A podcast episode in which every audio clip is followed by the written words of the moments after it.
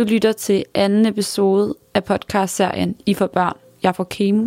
En original podcast fra Loud, produceret og tilrettelagt af herher.nu.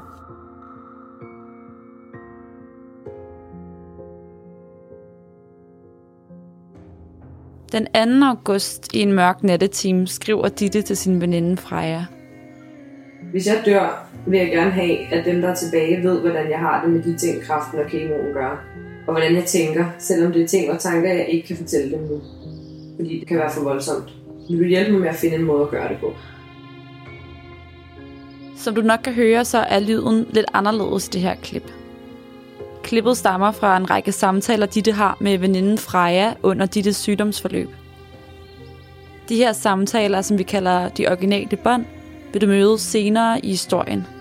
Og de kan, som Ditte selv siger det, Vi vil gerne minde dig om, at de her optagelser oprindeligt var til min familie og venner, hvis jeg ikke overlevede kraften og kemoen. Så de snakke fra jeg har, kan fremstå råt for usødet, personlige og meget ærlige, og samtidig et udtryk for vores tanker og følelser, lige præcis på det tidspunkt, der blev optaget. Vi håber, at du kan være over med de til tider skøre og kluntede formuleringer, og den autentiske og varierende lydkvalitet. Vi vidste jo ikke, at du skulle lytte med. Men kunne du bruge podcasten til noget? Jeg tror du, at andre, der har været eller er pårørende til en med kraft, selv er kraftramt, eller bare står i en sårbar situation i deres liv, kunne få gavn af at høre den, så må du meget gerne fortælle det videre. Så kan vi måske sammen hjælpe en, der lige nu står i eller har været igennem en svær periode i deres liv. har du ikke hørt første episode, så lidt ekstra godt med nu. De fleste af os har nok hørt, at lyn aldrig så ned det samme sted to gange. De fleste ved også, at ordsproget er en myte. Men alligevel kan lyn ramme det samme sted tre gange. Det kan i hvert fald føles sådan. Ditte storebror Daniel, som på det her tidspunkt er på toppen af sin håndboldkarriere, vinder over kraft hele to gange. Begge gange lymfekræft. Der findes tre forskellige former for lymfekræft. Hodgkins, non-Hodgkins og gråzone. Daniel blev ramt af både non-Hodgkins og gråzone. Den sportsglade familien Svensson ånder lettet op. Indtil en dag, hvor Ditte mærker en knude i halsen. For tredje gang rammes familien Svensson af kræft. En statistisk umulighed. Sort uheld kalder lægerne det. Det her er begyndelsen på Dittes historie. Der tager dig med ud på en rejse i det uvisse. En rejse, der vil slå et par sving i løbet af podcastserien.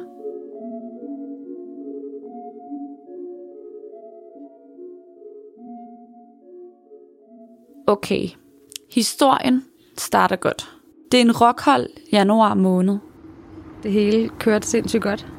Vintersolen står lavt over Københavns tagtoppe. Jeg er jo blevet færdiguddannet og fået mig et pissefedt arbejde med en masse ansvar. Små, selvskabte skyer står ud af munden på menneskerne på gaden. Livet går sin vante gang. Jeg var det rigtige sted med min kæreste, og jeg vidste ligesom, det skulle være mig og ham. Et nyt år ligger for fødderne af Ditte og kæresten Christian. Et år, der tegner godt for parret. Fast job, masser af kærlighed og ja, yeah. det kommer vi til senere i historien. Lad det være en lille hemmelighed for nu. Tiden går. Januar bliver til februar, til marts, til april. Alt er, som det plejer og skal være. Og så var der noget, der ændrede sig.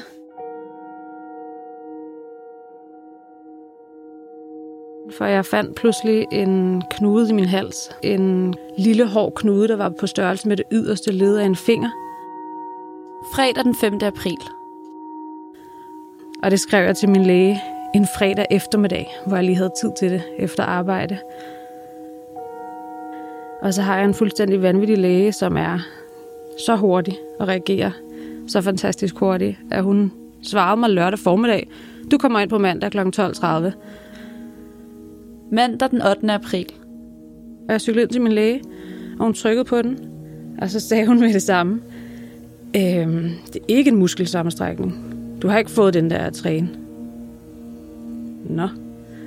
Og så øhm, blev det lidt mere alvorligt, så sagde hun, der kan være tre ting, der er grund til, den her knude af der.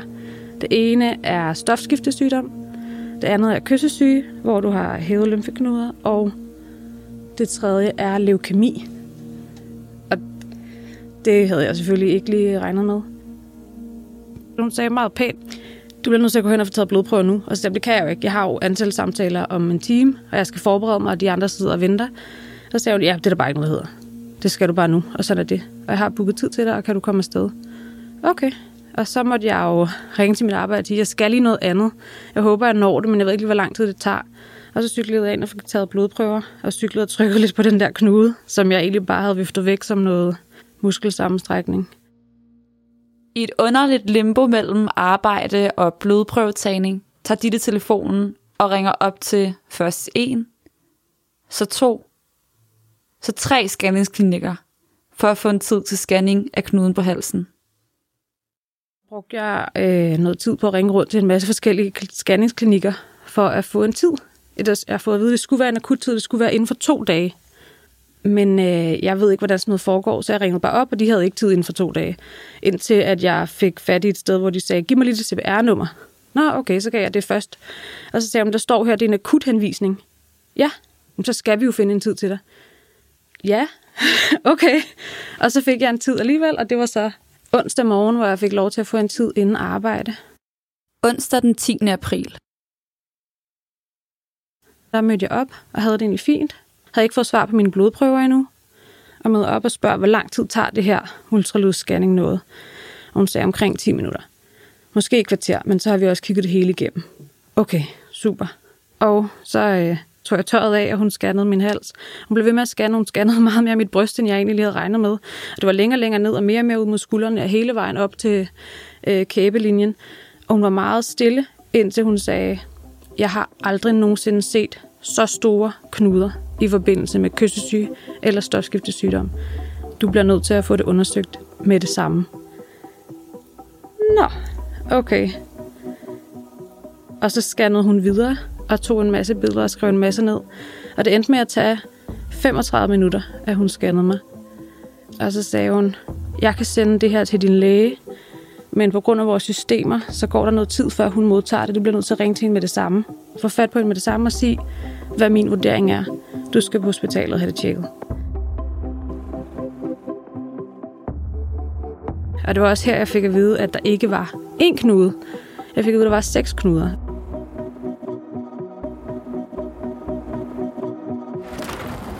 Og jeg cyklede så derfra videre på arbejde, fordi jeg er en idiot. Og tænkte, at det gav mening, at jeg tog på arbejde og fik fat på min lægesekretær og sagde, øhm, jeg skal have det, jeg skal have det tjekket. Øhm, jeg ved ikke helt hvordan, men hun siger, at det er ikke køsesyge i hvert fald, og det er nok heller ikke stofskifte, så jeg skal have tjekket de her knuder. Øh, og så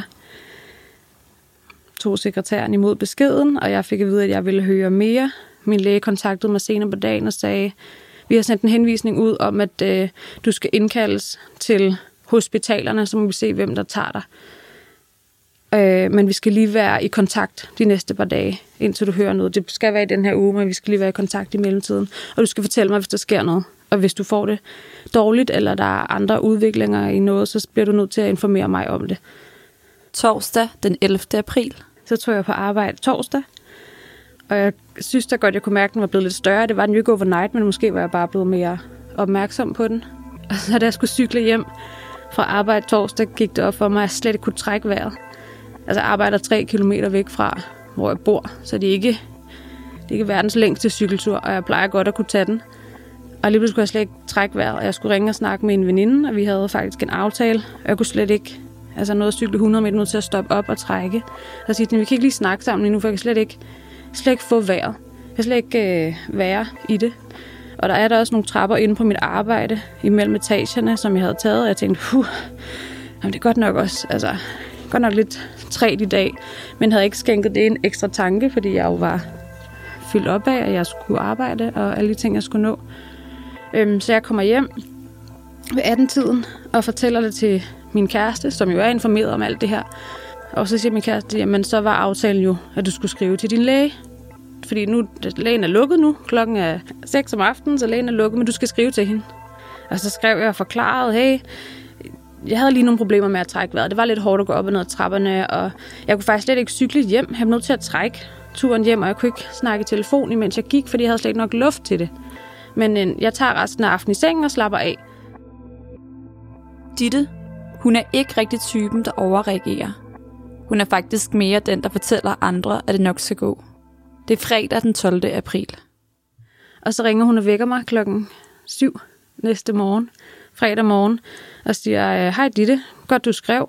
Øh, jeg har været i kontakt med Rigshospitalet, Øre, Næse, Hals, Ambulatorium, de er klar til dig, du skal tage dig hen nu. Du skal ikke cykle derhen. Så siger jeg, nej, men det, det er okay nu. Så siger hun, du skal ikke cykle derhen. Måske skal du tage Christian, din kæreste, med, sådan så at du ikke er alene derhen. Og jeg tænker, okay, fint. Og siger hun, øhm, du skal gå op på den her afdeling og fortælle mig alle instrukser med, hvor jeg skal gå hen. De venter på dig, og så får vi lige tjekket, fordi du skal ikke have problemer med at trække vejret overhovedet. Og hun spurgte mig, om jeg kunne mærke, om knuden var blevet større. Og jeg sagde, det tror jeg, den er. Men det ved jeg sgu ikke. Det kunne også godt bare være, at det er mig, der kører det op i hovedet. Og øhm, jeg var cyklet derhen, bare meget, meget langsomt, og havde sendt Christian på arbejde og sagt, prøv at høre, de skal jo bare lige kigge på den. Jeg ringer jo til dig, hvis der er noget. Vi bor meget tæt på Rigshospitalet, og ingen af os arbejder særlig langt væk derfra. Så jeg var sådan, du kan jo være der på 10 minutter, hvis det er. Så er du bare på arbejde. Altså, der er sikkert en masse ventetider.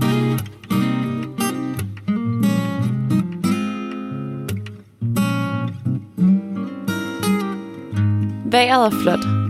Efter et par døgn med nattefrost er varmen vendt tilbage til de københavnske gader og stræder.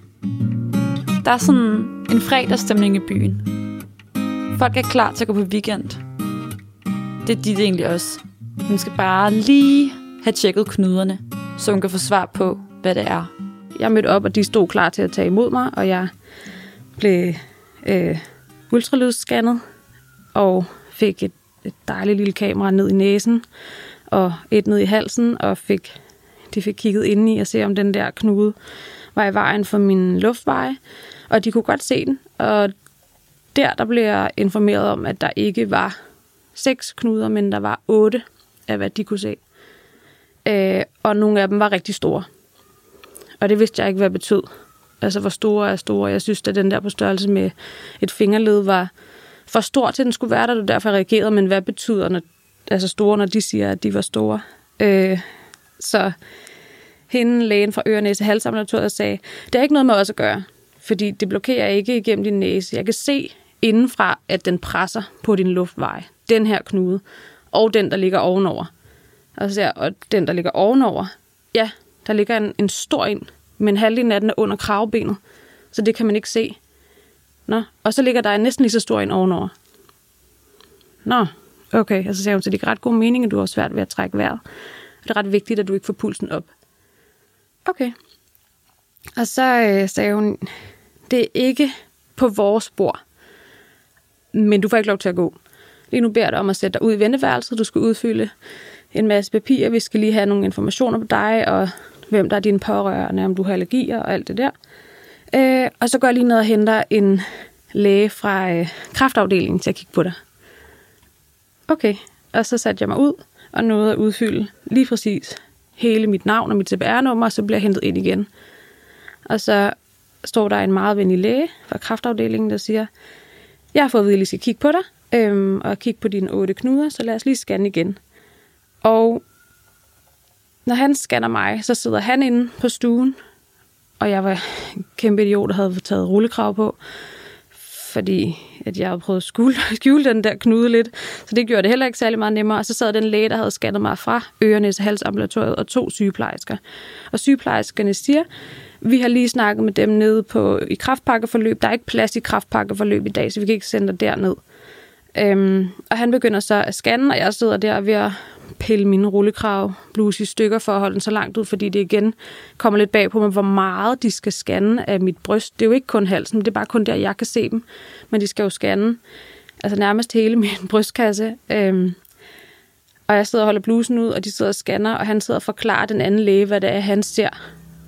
Og han når at scanne mig i 30 sekunder, og så siger han, Nå, Ditte, øhm, det er noget, der skal kigges nærmere på. Øh, du er her med i kraftpakkeforløb.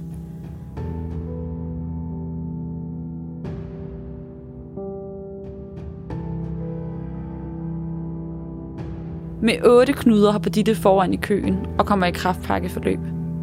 På hospitalstuen sidder Ditte omringet af en kraftlæge, en øre-næse-halslæge og to sygeplejersker. Og så går begge sygeplejersker ud. Begge læger bliver inde, begge sygeplejersker går ud. Der går meget kort tid, så kommer de ind med sådan en rullebord med alle remedierne til at få taget de her biopsier.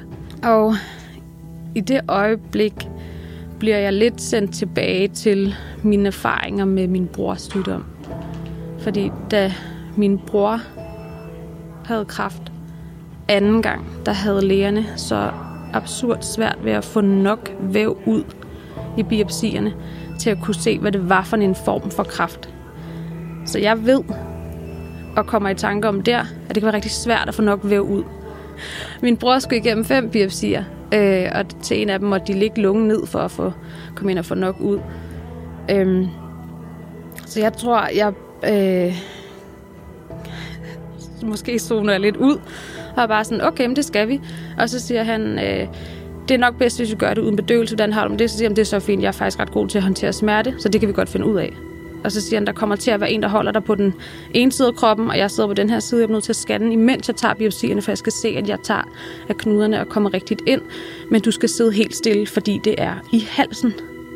Okay? Øhm, og han starter og tager den der fantastiske store nål frem, som man tager biopsier med. Øh, og skyder det ind og får noget ud og scanner imens, og der står altså fire voksne mennesker og stiger mig ind i ansigtet. Det er jo meget, meget... Øh, der er ikke meget intimsfære, der bliver overholdt der, når det er i halsen, så det er meget tæt på. Og de kigger lidt på det og får lagt det imellem de der to gennemsigtige stykke glas og får set. Og så siger jeg, jeg ved godt, at man ofte har svært ved at få for meget ved, ved ud. Jeg vil hellere have, I tager for mange biopsier end for få, sådan så I har større chance for at se, hvad der er i vævet. Og så stopper han op og læner sig tilbage og kigger på mig og siger, okay, fedt. Det synes jeg også, vi skal gøre. Men kan du godt holde det ud med smertemæssigt? Og så siger jeg, det kan jeg blive nødt til. Og så tager han to biopsier til, og så ender jeg med at have fået taget fem vævsprøver af de to forskellige knuder, der var i halsen, som var dem, der var de største. Og så får jeg at vide, at øh, fordi jeg er kommet i kraftpakkeforløb, så skal jeg rundt på sådan en lille...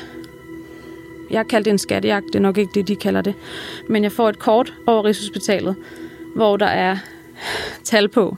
Nummer et sted, du skal hen, det hernede. Der skal du i røntgen. Nummer to sted, du skal hen, det hernede. Der skal du have taget blodprøver med nogle andre, nogle end dem vi tog tidligere på ugen. Så skal jeg, og så er der sådan fem steder, jeg skal rundt, og jeg har et kort over Rigshospitalet, og så siger de til mig, hver sted du møder op, skal du ikke sætte dig og vente. Du skal sige dit CPR-nummer, fordi så ved de, at du skal komme ind og ikke sidde i kø. Og jeg tænker, okay, det, øhm, det skal jeg bare. Og jeg får at vide, når du har været igennem hele skattejagten, eller det jeg kalder skattejagten, så, øhm, så skal du ringe til nogen, fordi du kommer til at få svar senere i dag. Med skattekortet i hånden vandrer Ditte fra afdeling til afdeling. Da alle poster er klaret, ringer Ditte til sin far og kæresten Christian. Det er meget tydeligt for mig, at min kæreste var nervøs. Det havde ligesom taget en anden drejning, end jeg tror, nogen havde regnet med. Jeg ved faktisk ikke, om vi havde regnet med noget. Øhm, så han var lidt nervøs.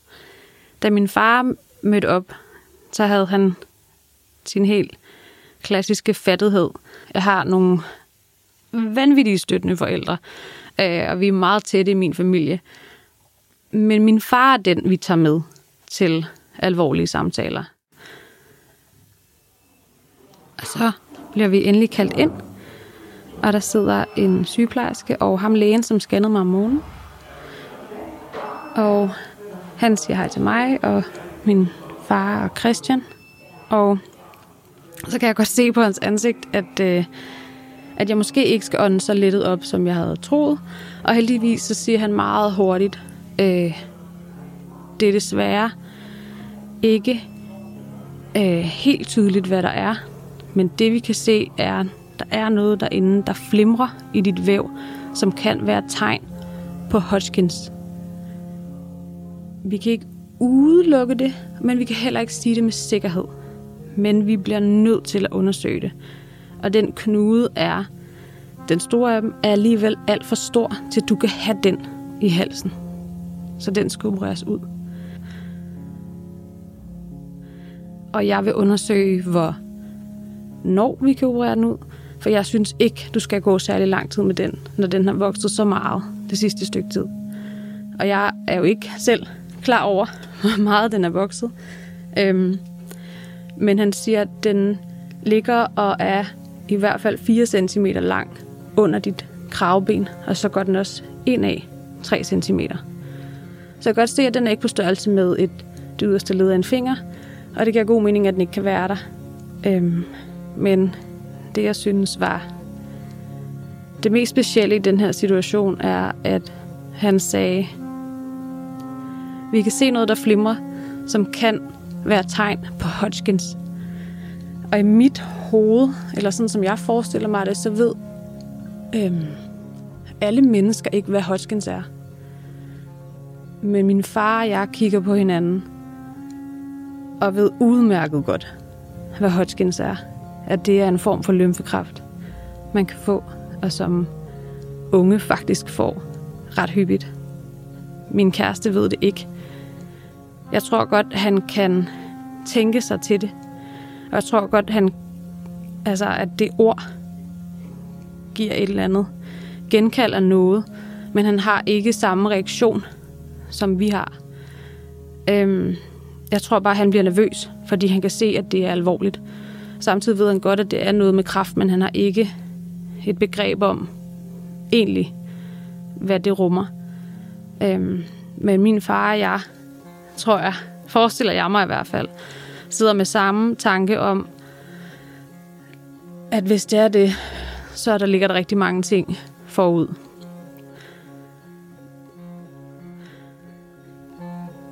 Og så går vi ud fra lokalet og krammer hinanden. Og min far siger,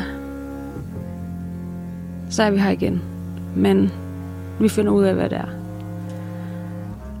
Og jeg aner ikke, hvorfor. Men det første, jeg tænker, er, hvordan fanden må det være for ham? Han har siddet her i en situation med et barn, hvor der blev sagt de her ord. Og han har faktisk prøvet det to gange. Nu sidder han der med mig. Så jeg kommer til at spørge min far, hvordan har du det? Og så sagde han, jeg gør som jeg altid gør, og som vi gør. Vi tager det fra, hvad det er, og vi bliver nødt til at spille bolden derfra, hvor den ligger.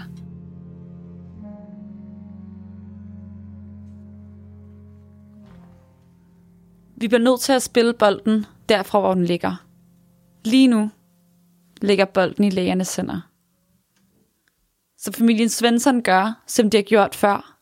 Tager en ting ad gangen, søger svar og holder hovedet koldt. De har været igennem det før, dengang Daniel, Ditte storebror, fik lymfekræft.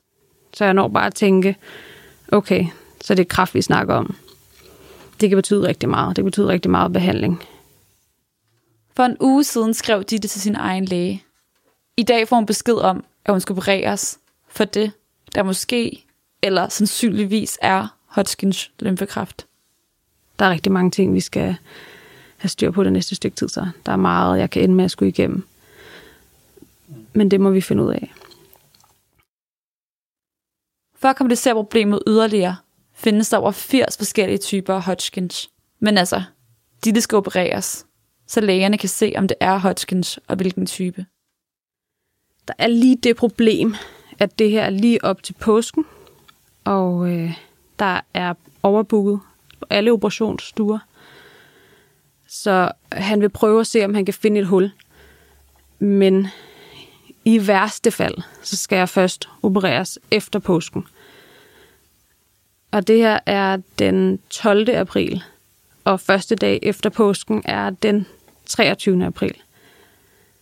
Så der er lige nogle dage, og det er jo fredag også, og så der er lige nogle dage ugen efter, indtil det bliver helligdage, hvor han siger, jeg vil gøre alt, hvad jeg kan for at få presset dig ind der, for jeg synes ikke, det er acceptabelt, at du skal gå rundt med den der. Men du skal i hvert fald vide, du må ikke få pulsen op, du må ikke bevæge dig, du skal ligge stille. Den vokser ret hurtigt, så jeg kan ikke sige, hvornår den vil blokere mere, og det er dit ansvar at være opmærksom på det. Hjemme i den lille toværelses Nørrebro-lejlighed er tiden sat i stå, mens knuderne vokser, og Ditte laver så lidt som muligt.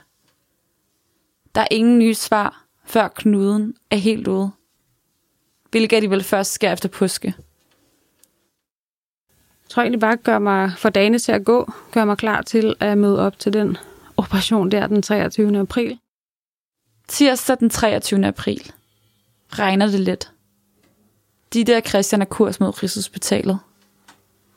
Møder op fasende selvfølgelig, og skal indopereres for at vide, at det vil tage et par timer. Øh, de forklarer, hvordan de vil ligge snittet. Jeg møder ham, kirurgen, der skal foretage det. Møder faktisk en til, som også skal være med. Og så bliver jeg kørt ind på operationsstuen, og vi har aftalt, at øh, Christian han bliver der, imens jeg blev opereret. Øh, og så kalder de på ham lige så snart jeg vågner igen, og vi har joket lidt med, øh, hvordan jeg må bliver efter narkosen, om jeg bliver helt gak og siger mærkelige ting, fordi det har vi og manden vel både hørt om og set, før at, folk siger helt crazy ting, når de er halvvejs ud af narkosen, og jeg har været i fuld narkose før, hvor jeg altså vågnet op, og det var skide underligt, at jeg følte, at jeg hørte fuglefløjt og alt muligt spændende. Så vi joker lidt med, sådan, hvordan det bliver, og jeg siger, ved du hvad, så jeg kommer sikkert til at sige noget pis, men du må ikke hænge mig op på det, du må ikke bruge det mod mig. Og så siger jeg, nej, nej, jeg filmer det bare, så jeg har det til resten af mit liv. Og så joker vi lidt om det, øhm, og jeg bliver hentet ind til operationen. De kommer og kører mig ind, og jeg hilser på alle læger igen, og der er altså et rand af mennesker inde på den operationsstue. Jeg synes, det er helt vildt, der skal være så mange. Og jeg får hilst på alle anestesisygeplejerskerne og de sygeplejersker, der skal være med til operationen. Der er fire læger derinde, øh, imens de gør mig klar og ligger mig op på bordet. Og Mit hoved bliver lagt i sådan en mærkelig stilling, fordi der ligesom skal være plads til, at de kan komme til i halsen. Og så er det koøje, der er i døren. Så siger øh, den sygeplejerske, der giver mig eller skal gøre klar til at skulle give mig øh, narkosen. Der er altså også nogle flere, der er med under operationen. Du kan lige hilse på dem, hvis du vil. Og så siger han, det vil jeg da gerne, imens jeg ligger der. Og så står der tre mennesker ude foran og lige vinker igennem koret, og jeg vinker tilbage og tænker, hvordan fanden skal I alle sammen være herinde i det her lille rum? Men altså, det gør I bare. Det må I have styr på. Jeg sover bare, så I do your thing. Øhm, og så spørger de, om jeg er klar til at få narkosen, og det er jeg. Og de spørger, om der er noget, vi skal gennemgå inden. Og jeg siger, nej, jeg synes bare, vi skal gå i gang. Og så får jeg narkosen, og de laver det vanlige trick med, at man skal prøve at se, om man kan tælle til 10, og jeg tror, jeg 10, 9, 8, 7, 6,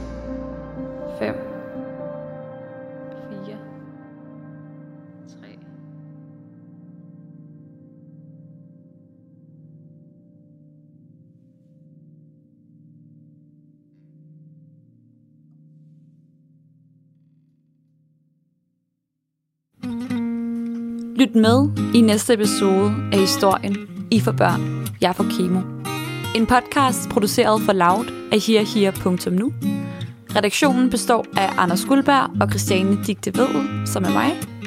Sangen, du hører lige nu, er Dittes yndlingssang. De numre, du støder på undervejs i historien, har en særlig betydning for de medvirkende. I want you to close your eyes and visit the most beautiful place in the world. If you're in the hood, Tak til Ditte for at fortælle sin historie, og tak for din opmærksomhed. Kan du lide, hvad du hører, så anbefal podcasten til en ven. Og husk at tale om det, der er svært. Vi lyttes ved. I'm capable of anything. My imagination can give me wings to fly like doves over the streets, watching many things. Kids walking home from school on drug blocks, missionaries pass out papers that read love God. I see faces, cases, judges and jurors, masons, lawyers and cops. I watch cause every thug's face is my mirror, but this was one in particular.